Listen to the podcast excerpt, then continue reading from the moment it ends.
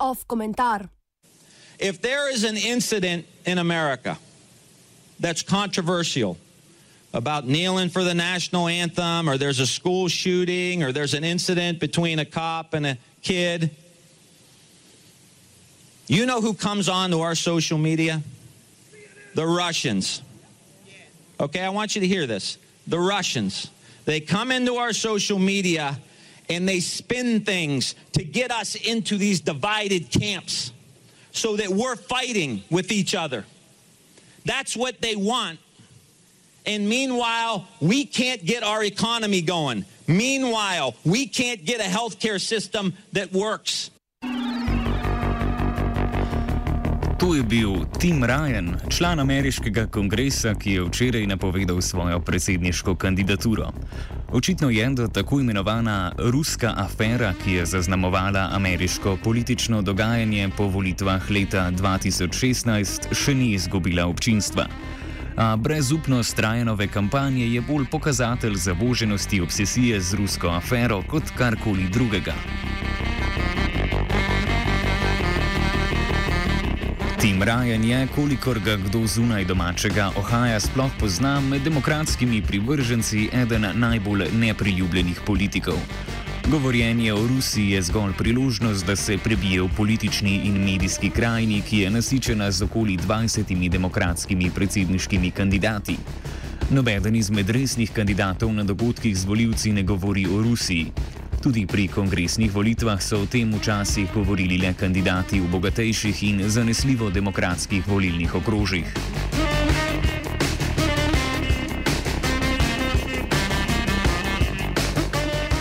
Je pa še vedno Rusija na jeziku praktično vsakega voditelja vdaj na kabelskih programih s 24-urnim informativnim programom, ki so usmerjeni k nekonzervativnemu občinstvu.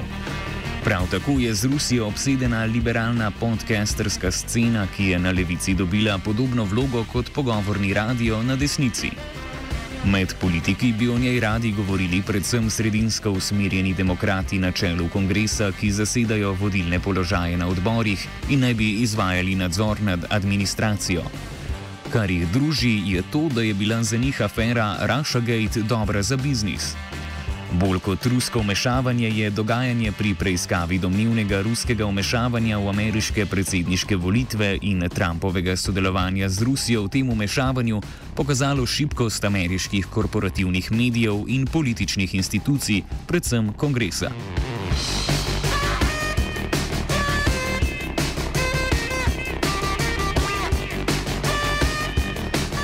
Les Moonves, direktor televizijske mreže CBS, je razkril javno tajnost, ko je na konferenci za investicijske bančnike leta 2016 povedal, da je Trump morda slab za Ameriko, tudi prekleto dober za CBS.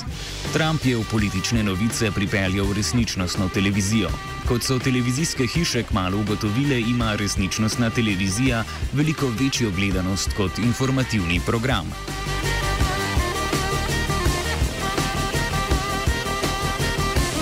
Za medije je bil prihod Trumpa na politično sceno plima, ki je dvignila vse čovne. New York Times, prestižno, a do nedavnega ničkaj dobičkonosno medijsko ime, je od leta 2015 do danes povečal število svojih naročnikov z milijona na skoraj pol tretji milijon, največ v zadnjih 13 letih. Največ, več kot 300 tisoč, so jih pridobili v prvem četrtletju leta 2017, ko je Trump začel svoj mandat. Še bolj uspešen je bil Washington Post, ki so ga dolgoletni lastniki družina Graham po letih negativnega poslovanja leta 2013 prodali najbogatejšemu zemljanu Jeffu Bezosu. Washington Post je zgolj v letu 2017 podvojil število naročnikov.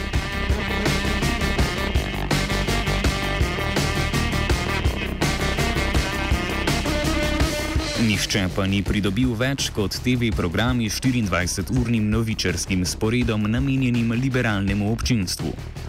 Potem, ko je gledanost CNN pred zadnjo volilno sezono padla na najnižjo raven v 20 letih, se je ta v zadnjih treh letih približno podvojila. CNN je zabeležil tudi rekorden dobiček, lani približno milijardo dolarjev. Podobno se je zgodilo z rivalsko televizijo MSNBC. Kar je še posebej opazno pri gledanosti, je to, da je rasla tudi po volitvah. Običajno namreč v povolilnem letu tem televizijam gledanost pade za okoli četrtino. Tokrat so se te številke premaknile navzgor za približno 60 odstotkov.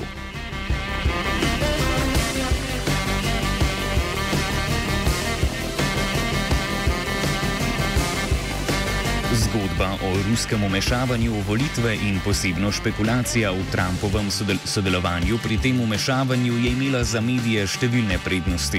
Za začetek je lahko zapolnila praktično neomejeno število ur televizijskega programa, ki je prinašala zanesljivo veliko gledanost. Produkcija tovrstnega programa je tudi razmeroma poceni. Pogovorne panele so rade volje zapolnjevali nekdani člani Obamove administracije, predvsem tisti iz varnostnih služb. Ti so s televizijami podpisali pogodbe, pri tem pa obdržali dostop do zaupnega materijala ameriške vlade, ki jim gre kot upokojenim visokim uslužbencem.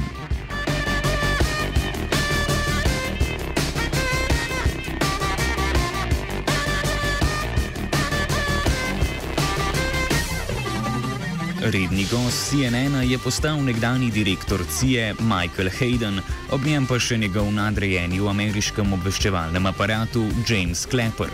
Zadnji Obamov šef v CIA John Brennan je pristal na televiziji NBC. Podobne zaposlitve so si našli tudi številni nižji uradniki in nekdani agentje FBI-ja. Kmalo so se jim pridružili tudi člani naslednje administracije, saj je Trump hitro menjal svoje sodelavce. Podobno z generali v naslanjačih iz časa pred Iraško vojno tu ni na ključna.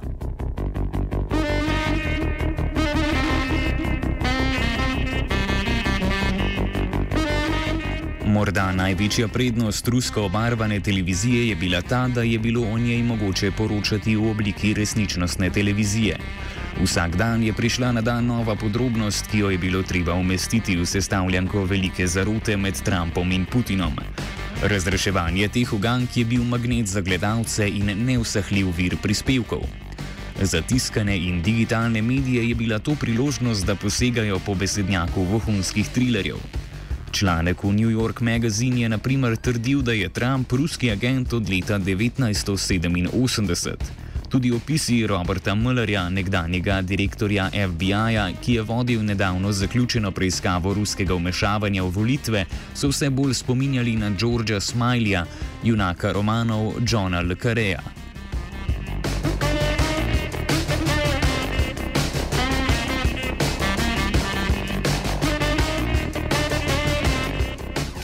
Vse to je seveda recept za zelo slabo novinarstvo. V medijskem prostoru so bili skeptiki teorije velike zarote med Trumpom in Putinom potisnjeni ob stran, pogosto obtoženi simpatij do Kremlja. Med njimi so bili praktično vsi novinari in javno dejavni strokovnjaki, ki so se spoznali na Rusijo. Zgodba se je pisala zgolj z ameriške strani. Glavni vir novih informacij so bili člani ameriških obveščevalnih služb, ki so se pridružili tako imenovanemu odporu.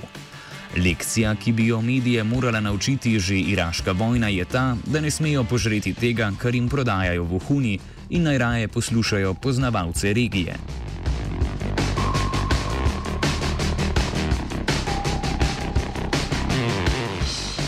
Ruska zgodba je zasedla tisto pozornost gledalcev in delo novinarjev, ki bi morala biti usmerjena v preiskovanje veliko bolj pomembne in očitne korupcije Trumpove administracije.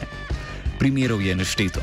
Številni lobisti ne skrivajo dejstva, da če se le da, spijo v Trumpovih hotelih. Trump je do donatorjev za svojo ceremonijo ob prisegi zbral rekordnih 100 milijonov dolarjev. Velik del denarja je bil izplačan podjetjem, ki jih Trump še vedno lasniško obvladuje.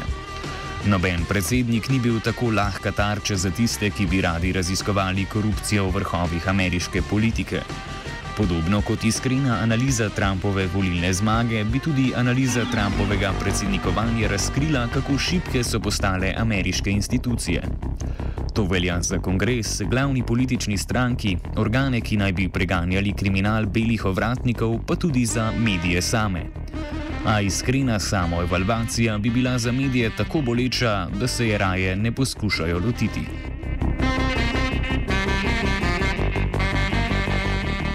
Komentiral je Gal. Radio študent.